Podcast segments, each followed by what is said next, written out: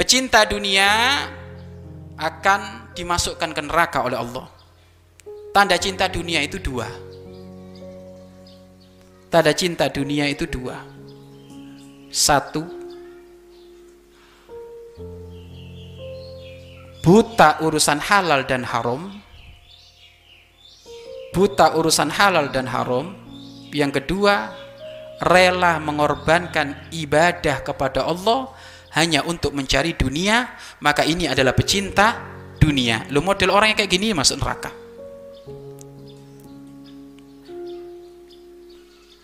Ya.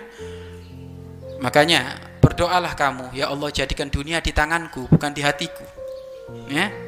Jadikan dunia di tangan tanganku, bukan di dalam hati kita.